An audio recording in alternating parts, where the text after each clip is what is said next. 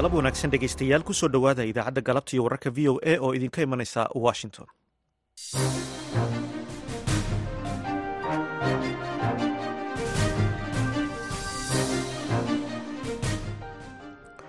Waa arbaca bisha februari ee sanadka labada kun afar iyo labaatankuna waa afar iyo toban. Waxaad naga dhagaysanaysaan mawjadaha gaagaaban ee lix iyo tobanka iyo sagaal iyo tobanka mitrban iyo boggeena internetka ee v o a somaly com saacadda afrikada bari waa afartii galabnimo idaacadda galabta iyo wararka v o edan waxaa idinla socodsiinaya anigoo ah xuseen barre aadan.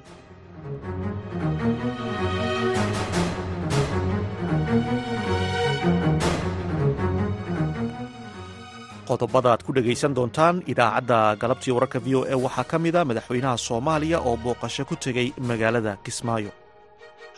Cutubka koowaad wuxuu ka hadlayaa heybta jumhuuriyadda federaalk soomaaliya baaqaba sida uu dhigayo ciwaankiisu yahay. Waa cutub aada ugu muhiimsan heybta dowladnimada soomaaliyeed. Waxaana lagu nidaamiyaa inta badan oo ku nidaaminayba arrimaha ay ka mid yihiin diinta dalka sifooyinka muhiimka u ah mabaadida asaasiga calanka iyo astaanta qaranka. Waxaa kale oo ad dhegaysan doontaan waraysi aanu la yeelanay guddoomiyaha guddiga madax bannaan ee wax kabeddelka dastuurka. Cutubka koowaad wuxuu ka hadlayaa heybta jumhuuriyadda federaalk soomaaliya ama baaqaba sida uu dhigayo ciwaankiisu yahay waa cutub aada ugu muhiimsan heybta dowladnimada soomaaliyeed. Waxaana lagu nidaamiyaa inta badan oo ku nidaaminayba arrimaha ay ka mid yihiin diinta dalka sifooyinka muhiimka u ah mabaadida asaasiga calanka iyo astaanta qaranka. Qodobadaasi iyo warbixinno kale ayaan idiin haynaa balse marka hore waxaad ku soo dhowaataan warkii dunida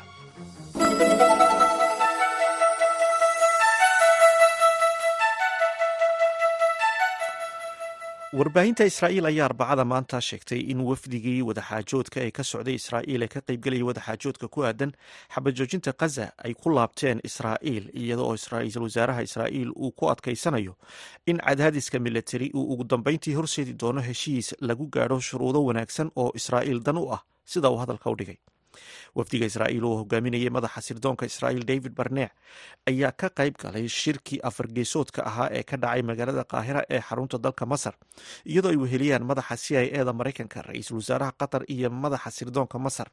Laakiin wafdiga israa'iil ayaa u muuqda inaanu awood u lahayn inuu ka wadaxaajoodkan samayn karo. Xitaa madaxa qeybta sirdoonka ee la xidhiidha lahaystayaasha ciidamada ayaan ku jirin wafdiga sida ay sheegtay warbaahinta israa'iil ciidamada israa'iil ayaa ku dhawaaqay dhimashada labiiyo soddon ka mid ah boqol iyo afar iyo soddonka lahaystayaal oo ay xamaas haysatay.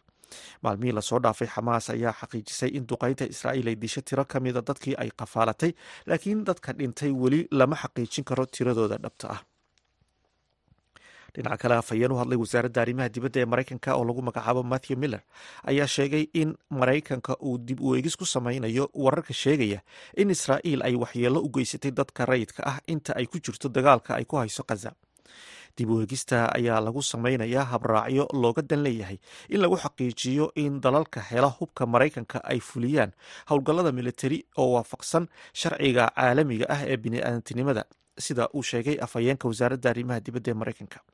Maamulka madaxweynaha maraykanka jo biden ayaa wajahaya dhaleecayn ku aadan hubka ay dowladdiisu siiso israa'iil iyadoo ay sii kordhayaan eedeymaha loo jeedinayo ee ah in hub uu sameeyey maraykanka loo adeegsaday.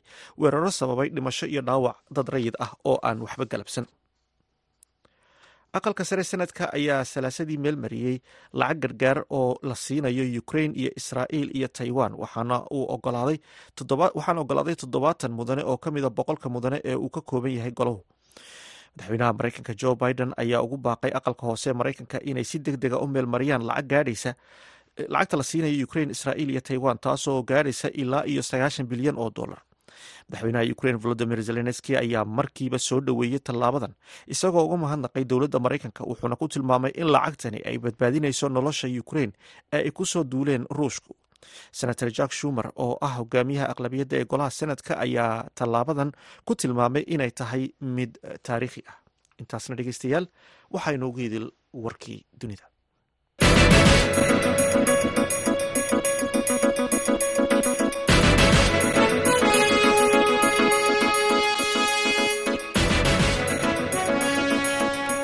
halkaa dhegeystayaal nagala socotaan. Waa laanta afka soomaaliga idaacadda v o a oo si toosa idinka imanaysa washington.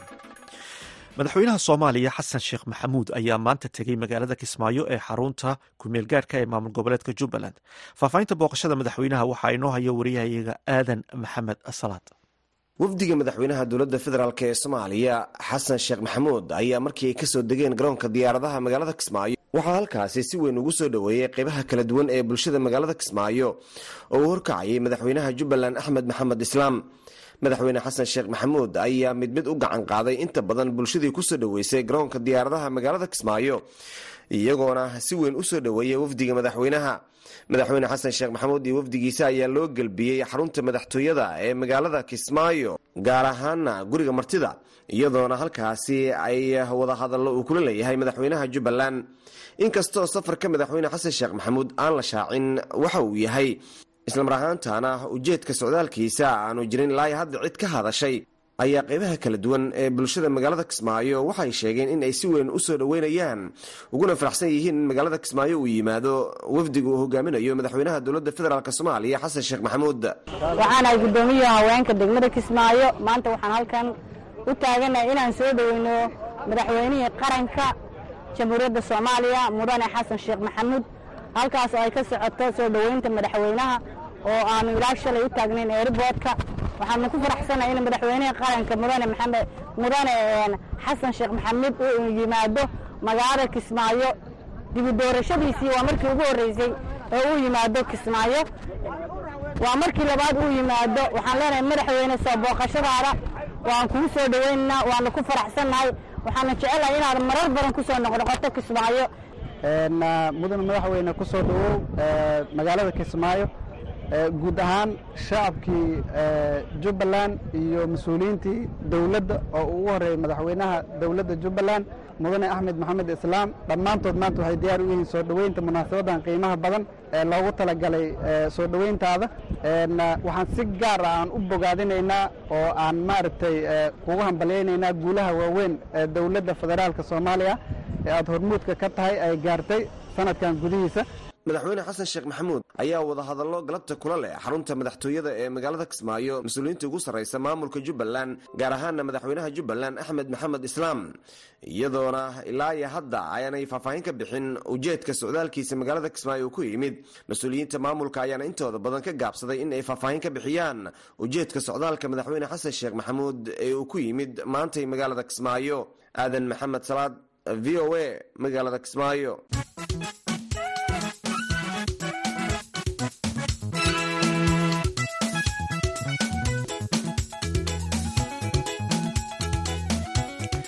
halkaad dhegeystayaal nagala socotaan waa laanta afka soomaaliga idaacadda v o a oo si toosa idinka imanaysa washington.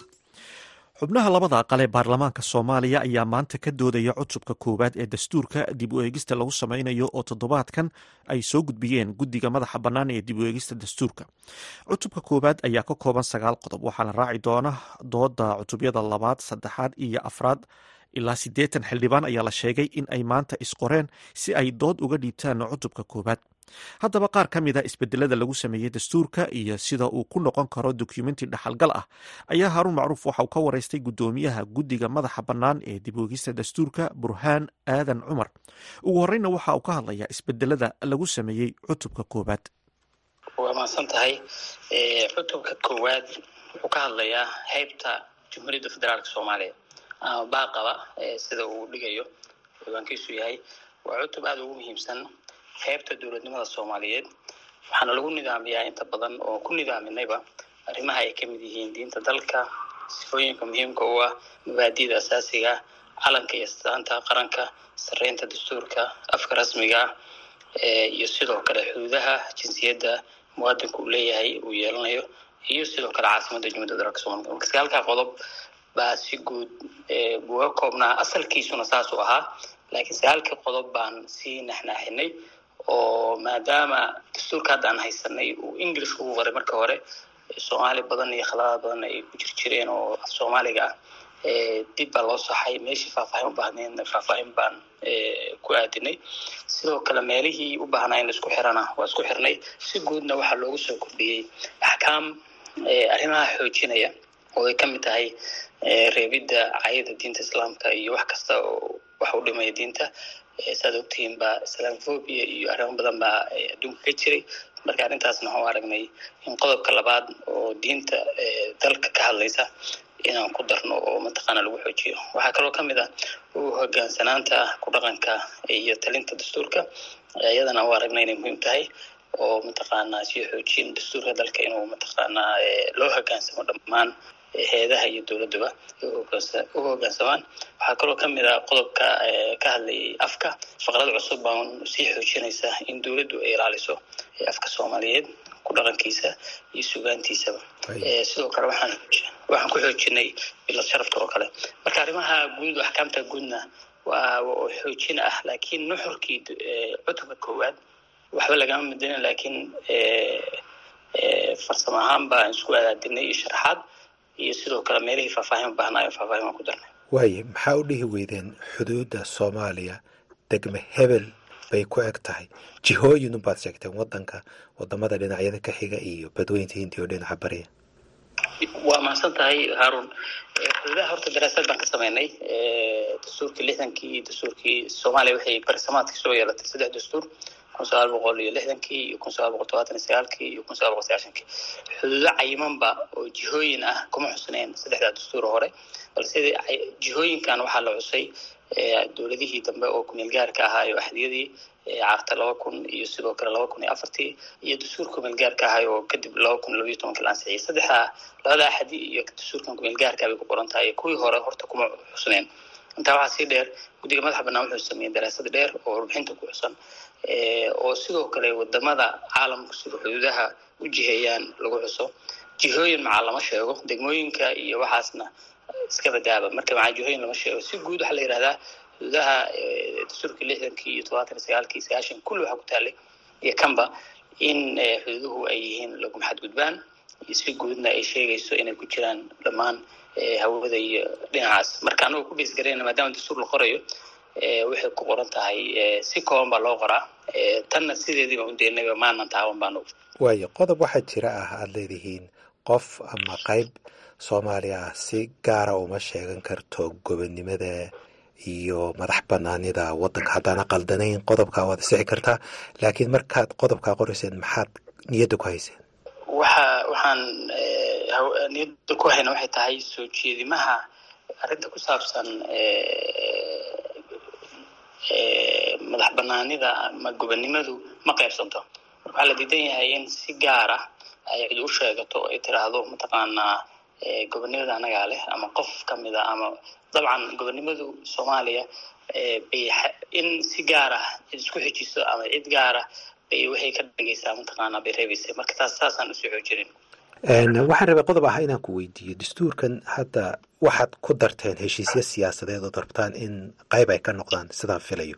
Marka heshiisyada siyaasadeed eed ku daraysaan waa kuwee tira may leeyihiin kuwa laga tegayo on lagu darayn miyaa jira midda kale khilaaf siyaasadeed baa jira oo waad la socotaa ugu yaraan maamul goboleedka puntland.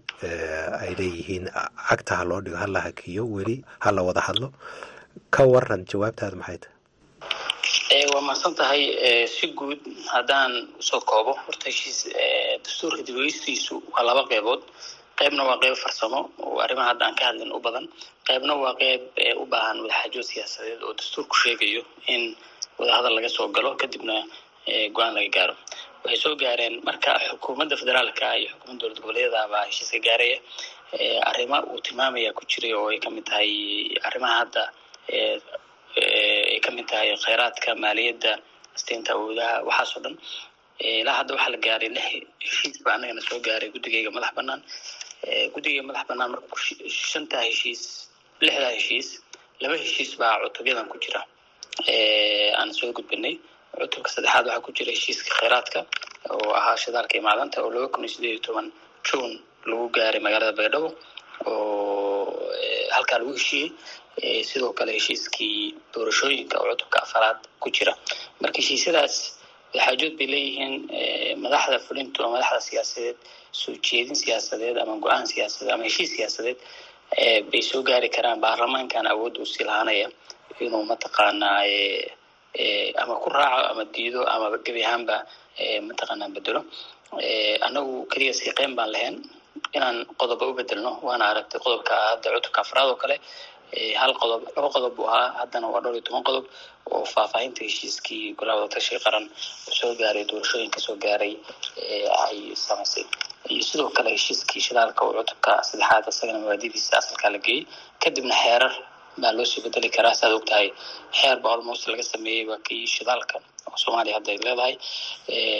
Marka heshiisyadaas waxaa loogu madalan yahay marka u dambeysa awoodda u dambeysa suu dastuurku qabo jadwalka koowaad c iyo d wuxuu sheegayaa in marka shaqada ay soo dhamaato baarlamaanku awoodda u dambeysa isagu uu yeelanayo oo mataqaanaa ama ku raaci karo ama ama diidi karo hadda saan sheego kale.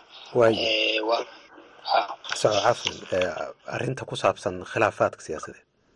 Waa masan tahay inkastoo guddi farsamo aan ahay oo guddi siyaasi aan ahayn laakiin dabcan in arrimaha hadda taagan inta badan dowlad goboleedyada waa ku heshiiyen heshiiska horta kheyraadka iyo shidaalka iyo macdanta gebi ahaan waa lagu soo heshiiyey oo puntland qeyb bay ka ahayd magaalada baydhabo laba kun sideed iyo toban. Heshiiska labaad oo hadda doorashooyinkana puntland mooyaane inta kale waa lagu heshiiyey. Puntland waxaan rajeynaynaa dabcan wadahadallaa weli socda oo ilbaabka waa furan yihiin dooda baarlamaankana way socotaa. Waxaan ku rajo weynahay dabcan siyaasi ma oo siyaasiyan uma hadlayo laakiin wadahadalladaas ay ku soo idlaadaan si guula oo mataqaanaa intuu dooda baarlamaanka socoto loo soo gudbiyo. Waayahay heshiiskaas aad doorashada waad ka hadasho. Puntland wayba ka maqnayd. Kan shidaalka laftigiisa baydhabo lagu gaaray labada kun sideed tobankii dhaliilo weyn baa ka jiro. Guddiga haddaan qaldanayn khabiiradan guddiga maaliyadda oo soomaalida iyo ajaanibta ay ku wada jiraan dhaliilo badan bay u soo jeediyeen. Dhaliilaha waxaa ka mid ah tusaale ahaan dowladdu markii badda laga soo saaro shidaal boqolkiiba konton iyo shan bay leedahay maamul goboleedkuna boqolkiiba shan iyo labaatan degmada laga soo saarayna boqolkiiba toban maamul goboleedyada kale oo dhanna tobanka kale qaybsanayaan. Marka waxay ku doodayeen khubaradu barnaamij baana ka sameeyey arrintan in qaybsiga shidaalka uu cadaalad darro noqonayo wadanka waddanka uu kala hormarayo. Tusaale ahaan haddii hal bilyan oo dollar shidaalka ay ka soo baxdo iyo degmada ay ka soo baxday markaas ku wada darto waxay qaadanayaan tusaale ahaan ilaa saddex boqol iyo konton milyan oo dollar halka maamul goboleedyadii kale oo dhan laga yaabo inay boqol milyan ay qaybsadaan. Marka dee qodob iyo heshiis sidaas u kala hormarinaya wadanka oo aan simayn khayraadka wadanka markay noqoto. Khayraadka wadankana dowladda federaalka ka mas'uulaa layidhi marka seed ugu daraysaan dastuurka heshiis sidaas maarata cadaalad darro ah. waa waa mahadsan tahay haruun runtii anigu horta maadaama dastuur waxaan qoraynaa ay dastuur tahay oo aan hadda diboogistiisa ku jirno. Annagu waxaan ka shaqeynayna waxay tahay mabaadi guud. Horta falanqeyn iyo lafagurid baa heshiiskaas ku sameynaynay almost saddex qaybood baan u kala qaadanay heshiis kasta heshiis qayb geli karta dastuurka iyo qayb geli karta xeerar noqon karta iyo qayb noqon karta siyaasad iyo arrimo lamida saddexdaa qaybood baan heshiis kasta u kala qaadanay. Heshiiska haddaan hadda u soo galo kheyraadka dabiiciga oo kale waa tiri khalaadaad badan baa ku jiray oo runtii ay jiraan inay kheyraad khalaadaad badan jireen ku jireen oo u baahan in dibigis ku sameeyo anagu heshiiskan waxaan gelinay mabaadidiisa asaasiga ahaa baan waxaan gelinay dastuurka. Laakiin wixii faahfaahina iyo doodaha kale xeerka. Oo principlena aan ka dhignay in kheyraadkan lagu qaybsado si mataqaanaa cadaalad ah oo ku beesgaraysan mataqaanaa baahiyaha iyo mataqaanaa kheyraadka. Iyo sidoo kale in xeer gooniyana hadhow lagu sii faahfaahin doono. Sidoo kale waxaan sheegnay in hay'adahaas la rabo in si cadaalada ay uga shaqeeyaan ay tahay kheyraadka dabiiciga oo ay ka mid yihiin la aasaaso hay'adda macdanta iyo hay'adda biyaha iyo hay'adda batroolka. Sidoo kale waxaan sheegnay guddiga u xirsaaran qoondeynta iyo dardargelinta ururinta dakhliga inuu isaguna sugo in dakhliga ka yimaada hantida dabiiciga ay si cadaalad ah u wadaagaan dowladda federaalka dowlad goboleedyada iyo dowladaha hoose ee jumhuiyadda federaalka soomaaliya marka guddigaasna wuxuu u xirsaarnaan doonaa mataqaanaa inuu sugo. Arrinta hadda sheegayso oo cadaalad darrada laga baqayo inuu sugo. Hay'adihii mechanismkii lagu sameyn lahaana dastuurkan ku xusna laakiin faahfaahintii iyo intaan baa loo kala qaatay waxaan u daynay mataqaanaa in kan uu hago awrto dastuurkeena forty four qodobka ah baa sheegayay. Haddana wuxuu noqday forty six marka hore wuxuu sheegaya keliya wadahadal baa laga gelaya lakiin hadda waxaan gelinay mabaadidii hagaysay in arrintaa cadaalad darraysan dhicin iyo mechanismka lagu heli lahaa iyo hay'adihii ilaalin lahaa mataqaana inaysan cadaalad darra dhicin buu ka shaqeynaya marka. Waayo qodob kale oo cilad lahaabaa jira oo ku jira heshiiskaas.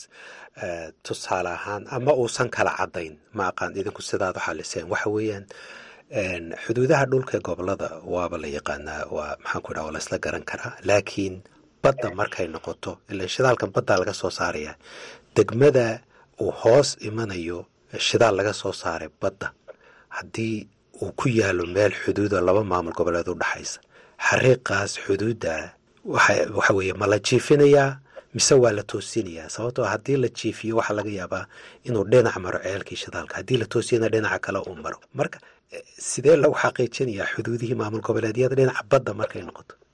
Waa mahadsan tahay cutubka shanaad harun cutubka shanaad cutub horta maana gaarin dowlad goboleedyada xuduudahooda ilaa hadda saad og tahayba qodobka afartan sagaalaad ba oo dastuurkeena hadda aan haysanaa sheegayay in xuduudaha dowlad goboleedyada siday ahaanayaan iyo intay ka koobnaanaya siday u dhismayaan sheegayay iyo tiradooda iyo siday noqonayaan.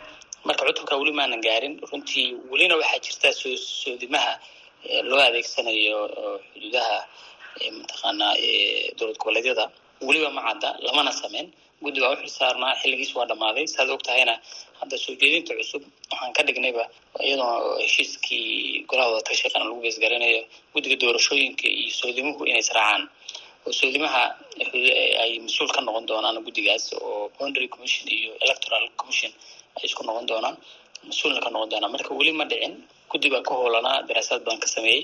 Marka welina maanan gaarno cutubka shanaad oo hadda waxaan rajeynaynaa markii aan gaarno qodobka afartan sagaalaad inaan arrintaas fiiro gaara u yeelan doono waayo waayo waan kugu dheereeya su'aasha u dambaysan ku weydiinay waxa weeyaan heshiiskan hadda aan dhehe wax ka bedelkan dastuurka aad ku samayseen waxaad horgeyseen baarlamaanka. Baarlamaankuna markay ka doodaan way ansixinayaan. Marka sax miyaa fasiraada ah dadka kuma soo laabanayo fikrad kale oo ka bannaan ma jirto sababtoo mar hadday ansixiyaan doodii saasay ku xidhantay. Afti unbuu aadaya. Waa mahadsan tahay horta hadda waxaa garab socda oo hadda aan wadnaa oo la tasheedii dadweynaha iyo dowladdaba iyo heedaha dowladda heer federaal iyo heer dowlad goboleed labada waa bilownay la tasheedaa way socon doonaan wayna garab socon doonaan dooda xildhibaanada labada aqal. Waana lis mataqaana soo jeedimaha ama natiijooyin ka dhasha la tashiga dadweynaha iyo heedaha dowladdu.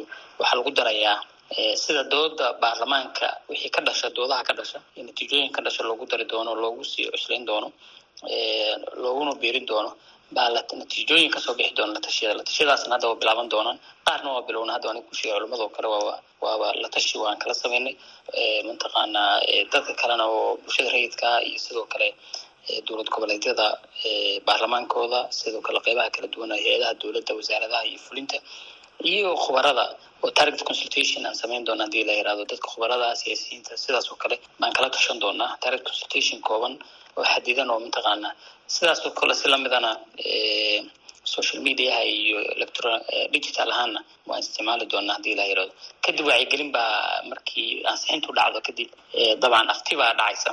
Aftidana dadweynaha oo dhan baa ama diidaya ama yeeli doona haddii la yihahdo laakiin aftidu intaysan dhicin ka horna waxaa dhici doonta laftigeeda wixii la gafay oo kale in dib loo eego mar labaad iyo mar saddexaad intaan aftida dadweynaha loo gudbin mar labaad.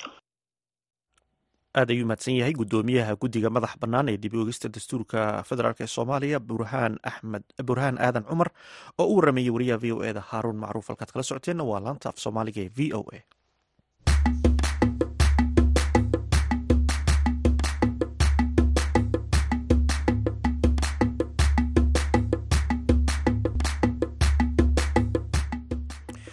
halkaa dhegeystayaal nagala socotaan waa laanta af soomaaliga idaacadda v o a. Iyadoo weli taagan tahay colaadda khaza ayaa saraakiil ka socota waddamada reer galbeedka iyo kuwa carabta ay isku dayayaan inay demiyaan ama aanay demin rajada laga qabo xabad joojin. Gargaarka biniaadanimo oo la gaarsiiya dadka baahan iyo sii deynta la haystayaasha. Dhaqdhaqaaqyadii ugu dambeeyey ee diblomaasiyadeed warbixin ay ka qortay v o a waxaa inoo soo koobaya jamaal axmed cusmaan. Wadahadallada ayaa kuwa wanaagsan sida uu sheegay sarkaal sare oo masri ah had a packed day of diplomacy in the Middle East and shared this new development at a press conference in Qatar. So, together with Qatar uh, and Egypt, israel ayaa sheegtay inay tahay inay xididada u siibto afar guuto oo ka tirsan dagaalyanada xamaas oo ay sheegtay inay ku sugan yihiin magaalada halka milyan oo filistiiniyiinta ay la xiriirayso halkaasoo sheegtay inay gabaad ka dhiganayaan ciidamada israel ayaa gudaha magaalada rafax ka soo badbaadiyey laba la hayste hase yeeshee waxaa howlgalladaasi lagu dilay toddobaatan iyo afar falastiiniyiina xogeyaha guud ee qaramada midoobey antoni guteres ayaa u sheegay warfidiyeenka in rajadiisa dhabta ay tahay in wadaxaajood lagu sii daayo dhammaan lahaystayaasha iyo in la joojiyo colaadda. Si looga fogaado weerar dhinac weliba leh oo lagu qaado rafax halkaasoo dubdhaxaad u ah buu yidhi. Nidaamka bini-aadinimada ee halkaasi taasina waxay keenaysaa cawaaqib aada u daran ayuu warkiisa sii daba dhigay. Guteres waxa uu yidhi waxaa jira burbur ku yimid nidaamka guud oo xadidaya gaarsiinta gargaarka bini-aadinimo ee falastiiniyiinta barakacay isagoo ku eedeeyey israel waxaa jira buu yidhi xanibaado ay soo rogtay israel oo aan la hagaajin. Kuwaasoo xadidaya buu yidhi gaarsiinta gargaarka bini-aadinimo. Dhinaca kalena hababka iska hor imaanaya ee ujeedkiisu yahay in lagu ilaaliyo gaarsiinta gargaarka bini-aadinimo ee la xiriira howlgallada militari ayaan ahayn kuwo waxtar leh ayuu warkiisa sii daba dhigay. Ra'isul wasaaraha israel benjamin netanyahu ayaa sheegay in falastiiniyiinta mangeliyada ka soo duuntay rafax la siin doono marin nabdoon oo ay uga baxaan halkaasi una dhow xadka masar laakiin muusan bixin wax faahfaahina oo ku saabsan halka ay aadayaan. Qaramada midoobey ayaa waxay sheegtay inaysan waxba tari doonin in falastiiniyiinta la raro masarna waxay tilmaamtay inaysan ogolaan doonin in xadkeeda lagu soo qulqulo. Jalia tuma oo afhayeen u hadashay hay'adda qaramada midoobey u qaabilsan qaxootiga falastiiniyiinta ee cunruwa ayaa sheegtay in aan lagu wargelin wax qorsha israel ay wado oo lagu daadguraynayo dadka ku dhaqan magaalada rafax aad ayuu mahadsan yahay jamaal axmed cusmaan oo warbixintaasi inala socodsiinay. Halkaad kala socoteenna waa laanta af soomaaliga ee v o a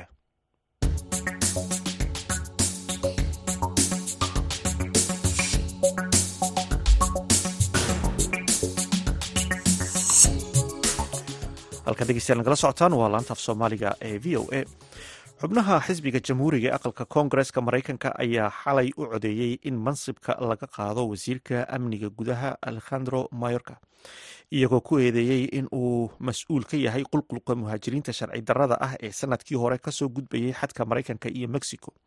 Warbixin arrintan ku saabsan waxaa soo diray wariyaha v o eda ken bredmeyer waxaa soo koobaya maxamed bashiir cabdiraxmaan natiijada codaynta ayaa ahayd laba boqol iyo afar iyo toban oo haa u codaysay iyo laba boqol iyo saddex iyo toban oo diiday. Laakiin saddex xildhibaan oo jamhuuriyiin ah ayaa la codeeyey xubnaha dimuqraadiyiinta oo diiday in wasiirka mansabka xayuubin lagu sameeyo xubnaha aadka xagjirka u ah ee jamhuuriyiinta ayaa muddo bilooyin ah waxay beegsanayeen mayorkas iyagoo mooshinkooda xilka xayuubinta uu toddobaadkii hore ku guuldaraystay hal cod oo keli ah kadib markii saddex jamhuuriyiin ah ay diideen in mooshinka uu meel maro halka hoggaanka xisbiga ee aqalka hoose uu ku guuldaraystay inay xaqiiqsadaan inuu soo xaadirayo xildhibaan dimuquraadi ah oo diidanaa mooshinka kaasi oo ku maqnaa cisbitaal uu qalliin ku sugayey codaynta habeenkii xalay ee talaadada ayaa ahayd mid natiijadeedu ay isku dhoweyd laakiin lagu meelmariyey xilka xayuubinta. Wasiirka oo lixdan iyo afar jir ah iyadoo uu fadhiga soo xaadiray hogaamiyaha aqlabiyadda jamhuuriyiinta steve skaliis oo codayntii toddobaadkii hore aan imaanin isagoo ku maqnaa daweyn la xiriirta cudurka kansarka mayorkas ayaa noqday wasiirkii labaad ee taariikhda maraykanka ee mansabka xayuubin lagu sameeyo iyadoo william belknap oo ahaa wasiirkii dagaalka sidan oo kale lagu sameeyey sannadkii kun sideed boqol lix iyo toddobaatankii. Mansabka qaadista mayorkas oo siyaasad ahaan u dhiganta eedeyn ayaa caddayn karta in ay noqoto guul astaan oo keli ah u ah xubnaha jamhuuriyiinta ee sida weyn u dhaleeceeya kuwaasi oo doorashada soo socota ee nofembar isha ku haya inay ku weeraraan qaska ka taagan xuduudda koonfureed ee maraykanka oo ay dusha u saaraan madaxweynaha dimuqraadiga ah joe biden iyo sharci-dejiyaasha dimuqraadiga ah. Bishii disembar ayaa xadka maalintii waxaa lagu xirayey ilaa toban kun oo qof oo ahayd tiradii ugu badnayd aqalka sanadka oo ay dimuqraadiyiintu ku maamulaan aqlabiyad koob iyo konton senatar ah halka jamhuuriyiintu ay ku leeyihiin afartan iyo sagaal senatar ayay caddahay inay dembi ku weyn doonaan mayorkas codad gaaraya saddex meelood laba meel ayaa loo baahan yahay si mansabka xayuubinta aqalka hoose uu sameeyey ay u meel marto. Taasi oo ka dhigan in ugu yaraan siddeed iyo toban senatar oo dimuqraadi ah ay haa ugu codeeyaan xilka xayuubinta. Waaba haddii dhammaan jamhuuriyiinta aqalka sare ay u wada codeeyaan in mayorkas xilka laga xayuubiyo hadda oo aqalka hoose oo eedda xilka xayuubinta mayorkas meel mariyey aqalka guurtida ee sanadka ayaa ku qasban in ugu yaraan uu dacwadda furo. Laakiin golaha ayaa u codayn kara in la baabi'iyo qodobada xilka xayuubinta la diido eedaha amaba waxay qodobada xilka qaadista u gudbin karaan guddi gaar ah. Mansabka xayuubinta mas'uuliyiinta ugu sarraysa maraykanka ayaa ku xiran inay galeen dembiyo waaweyn iyo khaladaad mayorkas ayaa sheegay in eedeymaha loo soo jeediyey ay yihiin kuwo aan sal iyo raad toona lahayn islamarkaasina uu shaqadiisa sii wadanayo xubnaha xisbiga jamhuuriga ee doonayay in xilka laga xayuubiyo mayorkas ayaa sheegay inuu ku xadgudbay sharciyada socdaalka isagoo aan xirxirin soo galooti badan oo yimid xuduudka iyo inuu fuliyey barnaamijka sii deyn sharafeedka bani'aadamnimo oo u oggolaanaya dadka aan sida kale ugu qalmi lahayn inay dalka soo galaan. Waxay sidoo kale ku eedeeyeen inuu been u sheegay koongareeska markii uu ku dooday in xuduudku uu yahay mid sugan dimuqraadiyiinta iyo qaar ka mida khubarada sharciga ayaa ku dooday in dooda la xiriirta mansabka xayuubinta mayorkas ay asal ahaanba tahay khilaaf siyaasadeed oo aysan ahayn arrin buuxinaysa heerka dacwadaha dastuuriga ee maraykanka ee ku qasbaya mas'uulku inuu galay dembiyo waaweyn iyo khaladaad xubnaha jamhuuriyiinta ayaa ku weeraray biden iyo mayorkas inay fududeeyeen xanibaadaha xuduudaha kadib markii biden uu ka adkaaday madaxweynihii jamhuuriga ahaa donald trump doorashadii labadii kun iyo labaatankii uuna bedelay sharciyadii socdaalka ee trump uu soo rogay. Toddobaadkii hore xilli ay sharci-dejiyaal badan oo jamhuuriyiin ka tirsan aqalka hoose riixayeen. Xilka qaadista mayorkas ayay haddana diideen soo jeedin sharci oo ka timid aqalka sanadka ayna soo oggolaadeen xubnaha labada xisbi taasi oo kontaroolkii ugu adkaa muddo sannado ah ku soo rogi lahayd xuduudaha. Kadib markii trump uu muujiyey inuu sharcigaasi ka soo horjeedo uusanna sharcigaasi ahayn mid aad u adag kontaroolada socdaalka ee laga soo galo maraykanka ayay caddahay inay noqon doonto arrin uubux u noqota tartanka madaxtinimada ee doorashada nofembar halkaasi oo biden iyo trump ay u badan tahay inay mar kale fooda isdari doonaan. Aad ayuu mahadsan yahay maxamed bashiir cabdiraxmaan oo nala socodsiinayay warbixintii wariyaha v o eda ken. Bredmeyer halkaad kala socoteenna waa laanta af soomaaliga ee v o a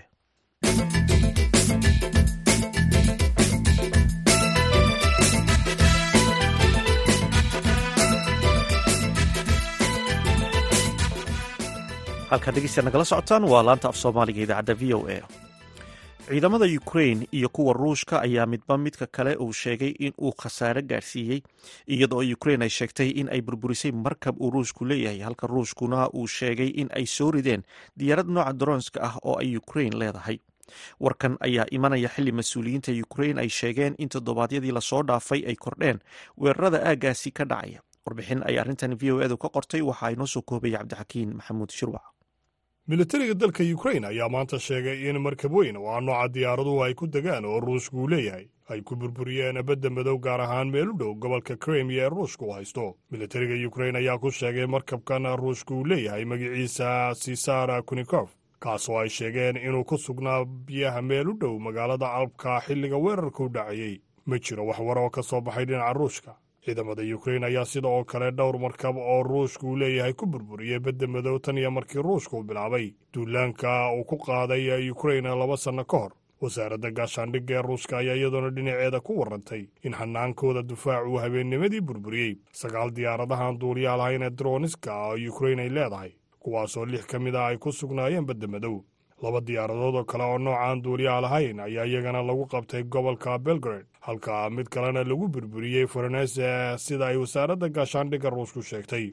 Sidoo kale maanta mas'uuliyiinta dalka ukrain waxay sheegeen in weeraro xidhiidha oo ruushku uu habeenbarhkii ku qaaday halkaasi ay ku dhinteen ugu yaraan saddex qof oo ku sugnaa magaalada bariga dalkaasi ukrain ku taale donesk maamulka magaalada salaydoon ayaa iyaguna bogga telegaraamka ku baahiyey in duqaynu ruushka uu ku sameeyey uu ku waxyeeleeyey sagaal dhisme iyo weliba cusbitaal iyadoo saddex qof ay dhinteen laba iyo toban kalena ay halkaasi ku dhaawacmeen. Feden falashkin oo ah guddoomiyaha gobolkaasi ayaa bogga telegaraamka maanta ku sheegay kadib markii cusbitaalka la duqeeyey in boqol bukaan laga saaray cusbitaalkaasi islamarkaana loo wareejiyey magaalooyinka u dhadhow magaalada saledon ayaa ah magaalo ay ku noolaayeen in ka badan labaatan kun oo qofka ka hor dagaalka waxaanay labaatan kilomitir dhinaca galbeed kaga beegan tahay jiidda hore bariga ee dagaalku ka socdo. Saraakiisha dalka ukrain ayaa iyaguna ku warramay korarh ku yimi weerarada aaggaasi ka dhacaya toddobaadyadii la soo dhaafay.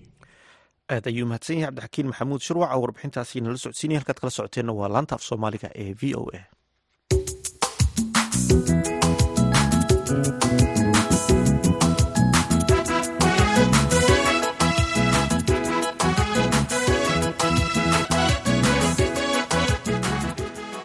halkaad weli dhegeystayaal nagala socotaan waa laanta af soomaaliga idaacadda v o a oo si toosa idinka imanaysa washington. La qabsiga nolosha muqdisho ayaa ku adkaatay wakhtigan qoysas barakacyaal ah kuwaasi oo afar bilood ka hor qaar ka mid ah gobollada dalka uga soo barakacay daadadkii elnino ee ku dhuftay soomaaliya. Warbixin arrintaasi ku saabsan waxaa muqdisho ka soo diray wariyaha v o eda xasan kaafi qoyste. Qoysaskan oo ku sugan kaam ku yaalla degmada dayniile ayaa ilaa wakhtigii ay soo xero galeen aan helin wax gargaar bani aadminimo ah. Waana kuwo niyad jab xoogan ka muujinaya waayaha adag ee ay dhex maquuranayaan. Cabdi cali waa aabba lixdan jira wuxuuna v o a u sheegay in isaga iyo qoyska oo ka kooban kow iyo toban ruux ay ku adkaatay la qabsiga nolosha muqdisho oo ah halka ay soo maciinsadeen. Waxaan ku soo barakacay bariire degmada bariire beerareyaan ahay. Wixii sanadkan tacbi jirnay ama ku noolan lahayd ama ilmaha laga bixin lahay biyaha nagu soo gooyey. Ilmihii xamar kula soo orodnay waxaan joognaa degmada dayniile. Gaajadii aanu ku soo baxanay al'aana ku sugnahay. Ilmihii magaalka ma kala kasaayaan.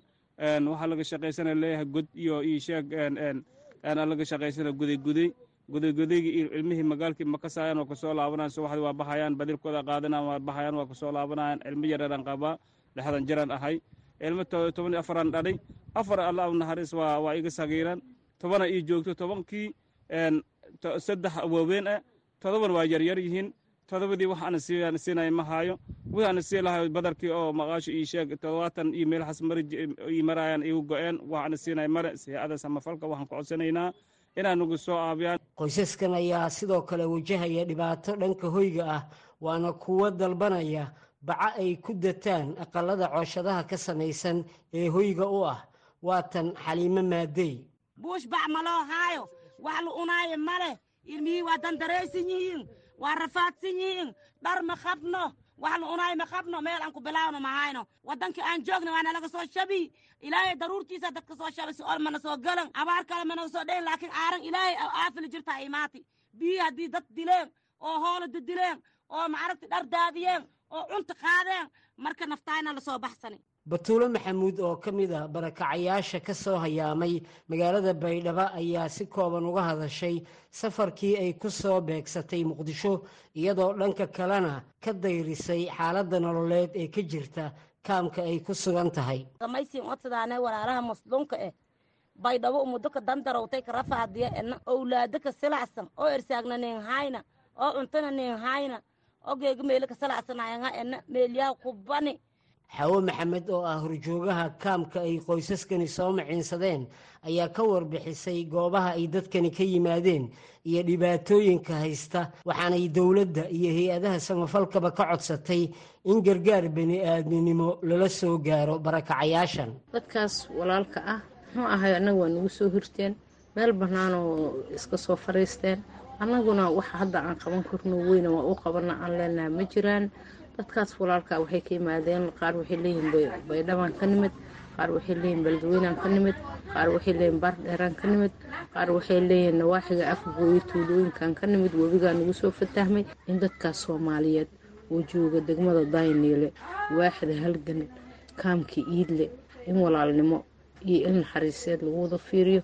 wixii loo gali karana loo galo. Gudaha soomaaliya xaaladaha adag ee ka jira dalka ayaa soomaali badan ku qasabtay inay ka soo barakacaan guryahooda iyadoo badi dadkaasina aanay helin garab istaag muuqda. Waana sababaha keenaya inay ku adkaato la qabsiga nolosha goobaha ay soo magansadeen taasoo ugu dambayn dhaxal siisa welwel iyo duruufo ka daran wixii ay ka soo hayaameen. Xasan kaafi qoyste v o a muqdisho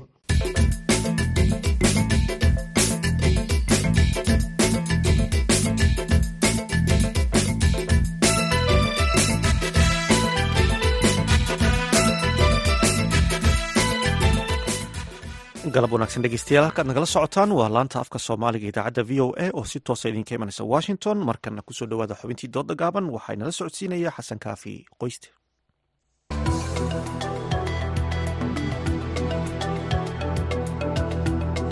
suugaanta soomaalida oo ka kooban noocyo kala duwan ayaa kaalin wacyigelineed iyo mid madadaalo uga jirta nolosha dadka soomaalida. Waxaana muddooyinkii ugu dambeeyey jirtay dhaliil ku aadan inuu hoos uga dhacay heerkii uu taagnaa marka la eego nuxurka heesaha iyo gabayada bulshada lala wadaagayo. Haddaba fankii hore iyo kan maanta maxay ku kala duwan yihiin? Keebaase mudan in ummadda lagu hago waa mowduuca aynu ku gorfaynayno xubinta dooda gaaban ee maanta waxaana ka doodaya abwaan aadan cabdulaahi cartan shimbiralays oo ka tirsan bahda hal abuurka iyo xasan abuukar cali xasan baydhaba oo ka mid ahaa wariyaashii barisamaadkii ka howlgeli jiray golaha murtida iyo madadaalada. Waxaana hadalka ku horeynaya aadan. Wax badanna fanka dambe wanaagsan. Sababtaanu leeyahna waxaa weeye fankii hore dad fara badanoo dee gaari mugiisa la leeyahay hal hees bay garaacayaan hal hees baa laga yaabaa in lagu xafido dee bilo lagu xafido iyo wakti maarata aad u fara badan. Qarash fara badan baa geli jiray. Fanka dambe wiil yarba halkaa combyuter maxaa layahdaa apple halkaa dhiganahayo maxaa layaha keyboardkiisa yarkaa dhinaca ka suranahayo. Wixii ku soo dhaco marba halkaa ku duubanahaya cidna uma baahna waa keligii maxaa layaha shaqul kulli weeye. Marka fanka dambea wanaagsan ka muusiga xoog badan. Waa aragtay bawrta markaad gasho waxa diryaan ka yeeraya jugta ka dhacayso. Marka fanka dambea wanaagsan aragtidayda tan kale ee uu kaga wanaagsan yahay waxa weeyaan waag hore waxaa la raadin jiray laxamiiste waxaa la leeyahay hala soo qabta laxamiiste hebel hala raadiyo. Markaas waxay qaadanaysaa toddoba cisho iyo waqti dheeraada oo loo fariisanayaa. Markaas laxanka hore waa halaabay mid kale ha lagu celiyo. Yacni waxay runtii shaqo aad iyo aad u fara badan bay ahayd. Marka runtii isuma dhowa heesihii hore hees lagu tuman karaba ma jiro dhalinyarada waad aragta markii laisugu yimaado caweysyada dhulkaa wada dhaqaaqaya jugtaasaa yeeraysa marka isuma dhowaan leeyahay isuma dhowaa.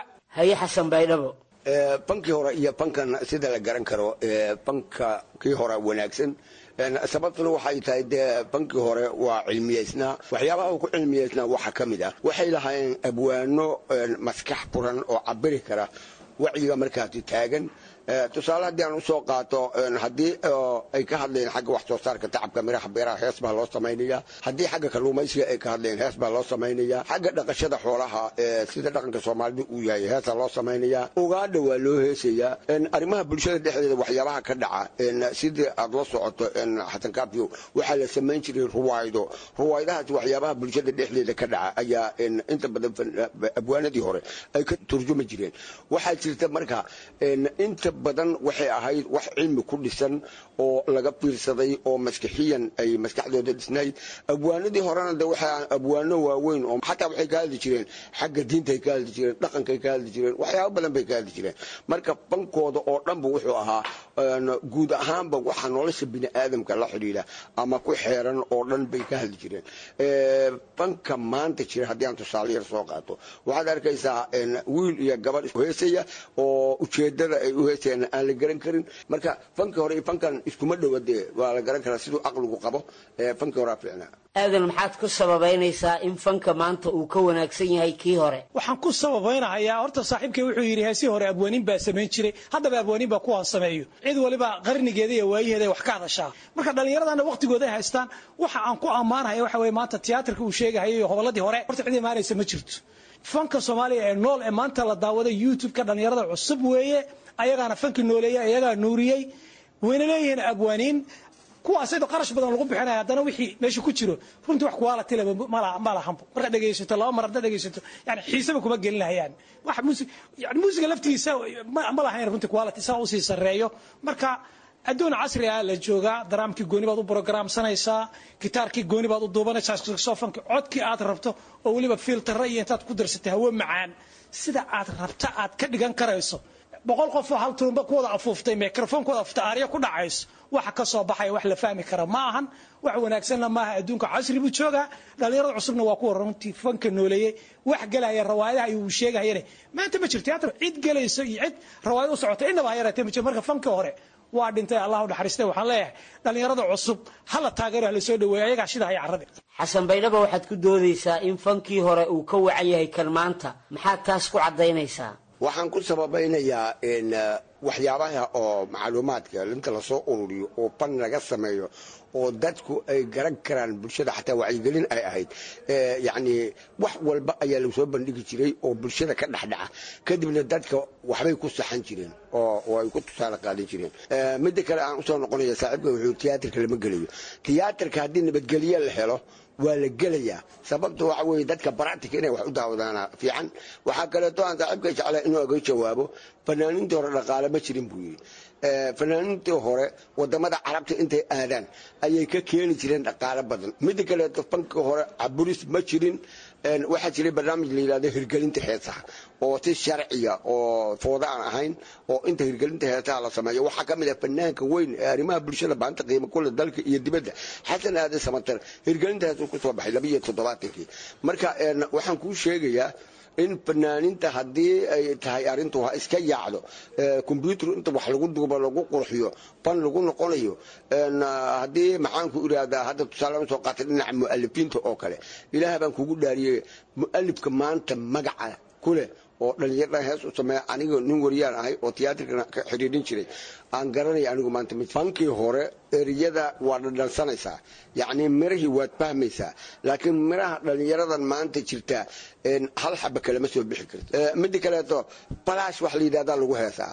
Maxaa la yidhahdaa falash baa inta lagu soo duubo baa kombyuutar lagu qorxiya qofkii masrax hadduu soo istaago falash inuu la heesa mooyaane caadi uma heesi karo. Waxaan joognaa gebagabadii doodda xalku muxuu yahay sidee safanka soomaalida lagu horumarin karaa?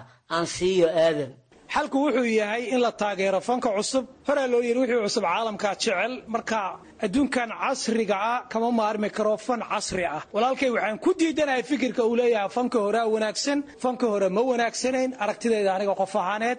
Fanka dambe waa fanka maanta nooleeyeyba fanki yani hadduusan fanka cusub maanta jiri lahayn soddon sano ayay dowladda dhexe dalka ka maqan tahay. Intaana fan baa jira. Walaalkay wuxuu yidhi waxaa jiri jiray heegan iyo halgan iyo kooxuu tiriye. Haddaba waa ka jiraan dhallinyaro cusub baa jirto kooxda midnimaa jirto waxaa jirto kooxda maxaa la qayladhaan baa jirto xidigaha geeskaa jiro. Wuxuu yidhi life laguma kara life waa lagu heesaa fanaan heesay oo cod halaasiro halkaas soo istaagay. Lifena waa ku heesaa kuwa hore uu leeyahay life bay ku heesi jireen kumaana heesi jirin life. Cajaladay daari jireen. Waxaan wax jiray bay ahayd ee wax lagu nastay ahayd. Fanaan maxaa la yidhahda cod halaasa ana mar waliba waa heesi karaa. Marka fanka dambe ayaa fanka nooleeyey asagay ka shidan tahay dee. Haye xasan baydhabo dhinacaaga maxaad ku soo gebagabaynaysaa oo uu xalku kuugu muuqdaa? Xalku wuxuu yahay xasan kaafiyow haddii aan kuu sheego in fanaaniintii hore wadadooda la raaco jiilkii hore la raaco dhaqan ahaanba awowyaasheenii dhaqankoodii iyo wanaagooda ayaan raaci jirnay haddana waxaan qabaa bankii hore in la raaco oo lagaga daydo oo la sameeyo kooxo midaysan oo la sameeyo mataqaanaa kooxo sidii waaberi iyo ancod iyo hegan ay ahaan jireen oo la yaqaano magacyale oo mida kaleta falashkan in layska dhaafo oo ay isku talagaraan inay life u heesaan waxaa kaleeto intaa dheer inay iska daayaan waxa la yidhaahdo kudayashada dhinaca hees qof qaadayba baa cusubba heesta xasan aadan heestan ahaynba ma haystaba marka waxaa la rabaa inuu hees la yimaado oo ay samaystaan. Marka fanka waxaa xal waa in dhaqankii hore ay raacaan oo dhaqanka maanta oo ajnabiga ay wataan inay iska bedelaan intaas ayaynu dhegaystayaal ku soo koobaynaa. Xubinta dooda gaaban ee maanta oo igala qayb galeen abwaan aadan cabdulaahi cartan shimbiralays iyo xasan abuukar cali xasan baydhabo tan iyo kulanti dambe nabaday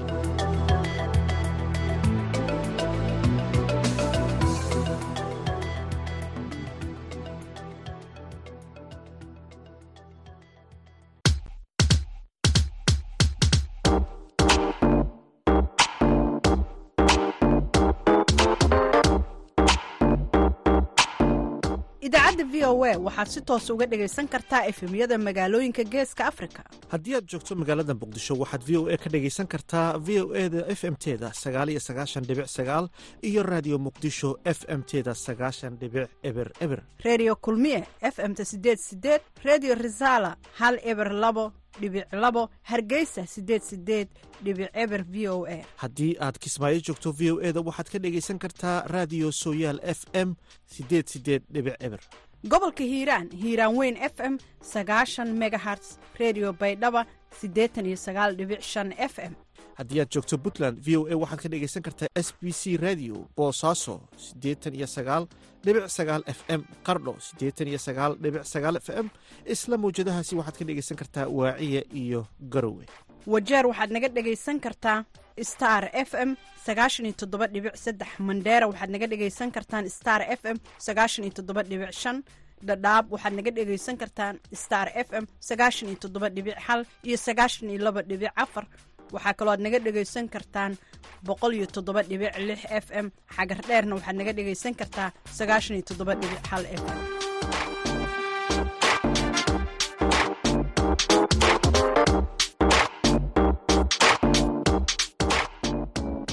halkaad dhegeystayaal nagala socotaan. Waa laanta af soomaaliga idaacadda v o a oo si toosa idinka imanaysa washington.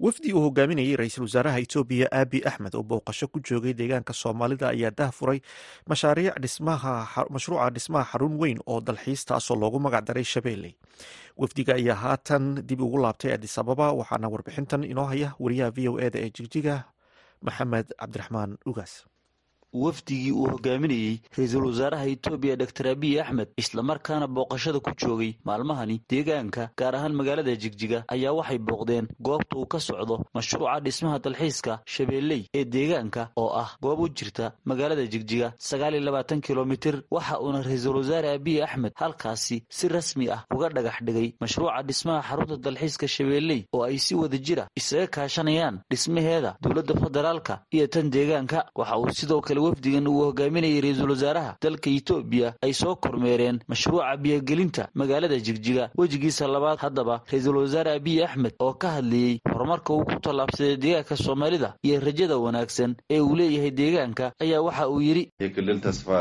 ይህ ክልል ተስፋ አለው ይህ ክልል ጥሩ ሊደርሺፕ አግኝቷል ህዝቡ ሰላም አግኝቷል deegaankan waa deegaan leh rajo weyn deegaankan waxa uu helay hoggaan wanaagsan shacabku waxay heleen nabad waxay ahaan jireen bahwadaag laakiin hadda waxay noqdeen tusaalaha laga barto horumarka ra-iisul wasaare abiy ayaa yidhi waxaa dhammaanteen waxaan ku faanno ah in deegaanka soomaalida loo imanayo khibrad iyo aqoon-iswadaarsi taasina waxaa xushmad iyo mahadnaq ku leh ayuu yidhi madaxweynaha deegaanka mustafe maxmed cumar dhammaan waxaan u mahadcelinayaa ayuu yidhi ra'iisul wasaare abiy axmed. Xukuumadda iyo shacabka deegaanka kadib waxa uu ra'iisul wasaare abiy axmed oo ay wehelinayaan marwada koowaad ee dalka iyo madaxweynaha deegaanka mustafe maxamed cumar xarigga ka jareen warshadda furunka iyo daqiiqda taas oo ay hirgelisay xafiiska marwada koowaad ee dalka marwa sinaash tayajow waxaana warshadan loogu talagalay inay ka faa'iidaystaan dadka danyarta ah ee deegaanka hoosna loogu dhigo sicir bararka waxayna maalinkii soo saari kartaa warshadani saddex boqol oo kun oo xabo oo rooti ah ra-iisul wasaaraha jamhuuriyadda dimuqraadiga federaalka etoobiya doktor abiy axmed oo munaasabadii xadhigka jarka ka hadlay ayaa waxa uu ka warramay waxyaabihii uu soo arkay muddadii uu ku sugnaa deegaanka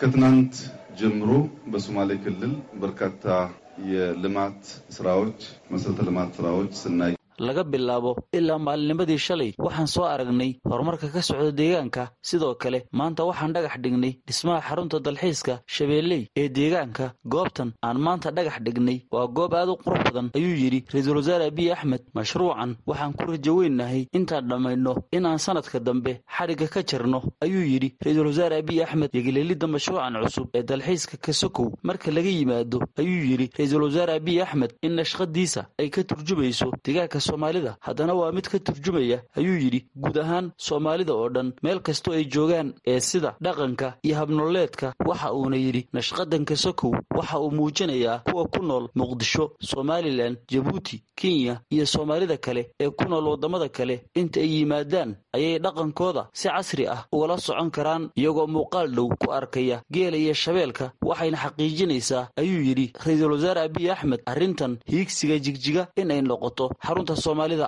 sidoo kale waxaa isaguna ka hadlay goobta madaxweynaha dowladdeegaanka soomaalida mustafa maxamed cumar isagoo uga mahad celiyey xafiiska marwada koowaad ee dalka mashaariicaha ay ka hirgelisay deegaanka ክብርት ቀዳማዊት ንብረት ዝናሽ ታያቸው ከአሁን በፊት ለጅጅጋ ከተማ ለሶማሌ ክልል ሁለት ትምህርት ቤት አበርክቶ በሶማሌ ክልል ሕዝብና መንግስት ስም ከልብ እናመሰግናለን። hadda ka hor marwada koowaad ee dalku waxay magaalada jigjiga ka dhistay laba dugsi kuwaas oo ay hadda wax ka bartaan in ka badan laba kun oo arday. Waxa uu sidoo kale sheegay madaxweyne mustafe in warshadan furunka iyo daqiiqda ee xadhigga laga jaray ay door muhiima ka qaadan doonto kor u qaadidda nolosha bulshada deegaanka. Ugu dambayntii ayuu yidhi madaxweyne mustafe aniga oo ku hadlaya magacayga iyo magaca bulshada deegaanka ayaa waxaan si kaliya laab ah idinku mahad celinaynaa dhisidda warshada cusub ee furunka iyo daqiiqda ee deegaanka soomaali soomaalida aad ka hirgeliseen dhankeeda waxaa iyaduna ka hadashay mashruucan warshada furunka iyo daqiiqda ee xadhigga laga jaray marwasinaash taajow oo ah marwada koowaad ee dalka islamarkaana xafiiskeeda maalgeliyey warshadani cusub ee xadhigga laga jaray waxayna tilmaamtay in dhowr sano ka hor ay halkan yimaadeen islamarkaana ay dhiseen laba dugsi sidoo kalena xustay in maanta ay xadhigga ka jarayaan warshada furunka iyo daqiiqda oo ay sheegtay inay tahay mid wax weyn ku soo kordhin doonta deegaanka. Haddaba wafdigii uu hogaaminayey ra'iisul wasaaraha dalka etoobiya doctor abiy axmed ayaa markii ay dhammaysteen howlahoodii shaqo ay u yimaadeen deegaanka soomaalida ayaa waxay dib ugu laabteen xarunta dalka ee magaalada adhisababa maxamed cabdiraxmaan gaata v o a magaalada jigjiga. Halka dhegeystayaal nagala socotaana waa laanta afka soomaaliga idaacadda v o a oo si toosa idinka imanaysa washington. Markana aynu ku wada nasanno mid ka mid ah heesaha aan idinku talagalnay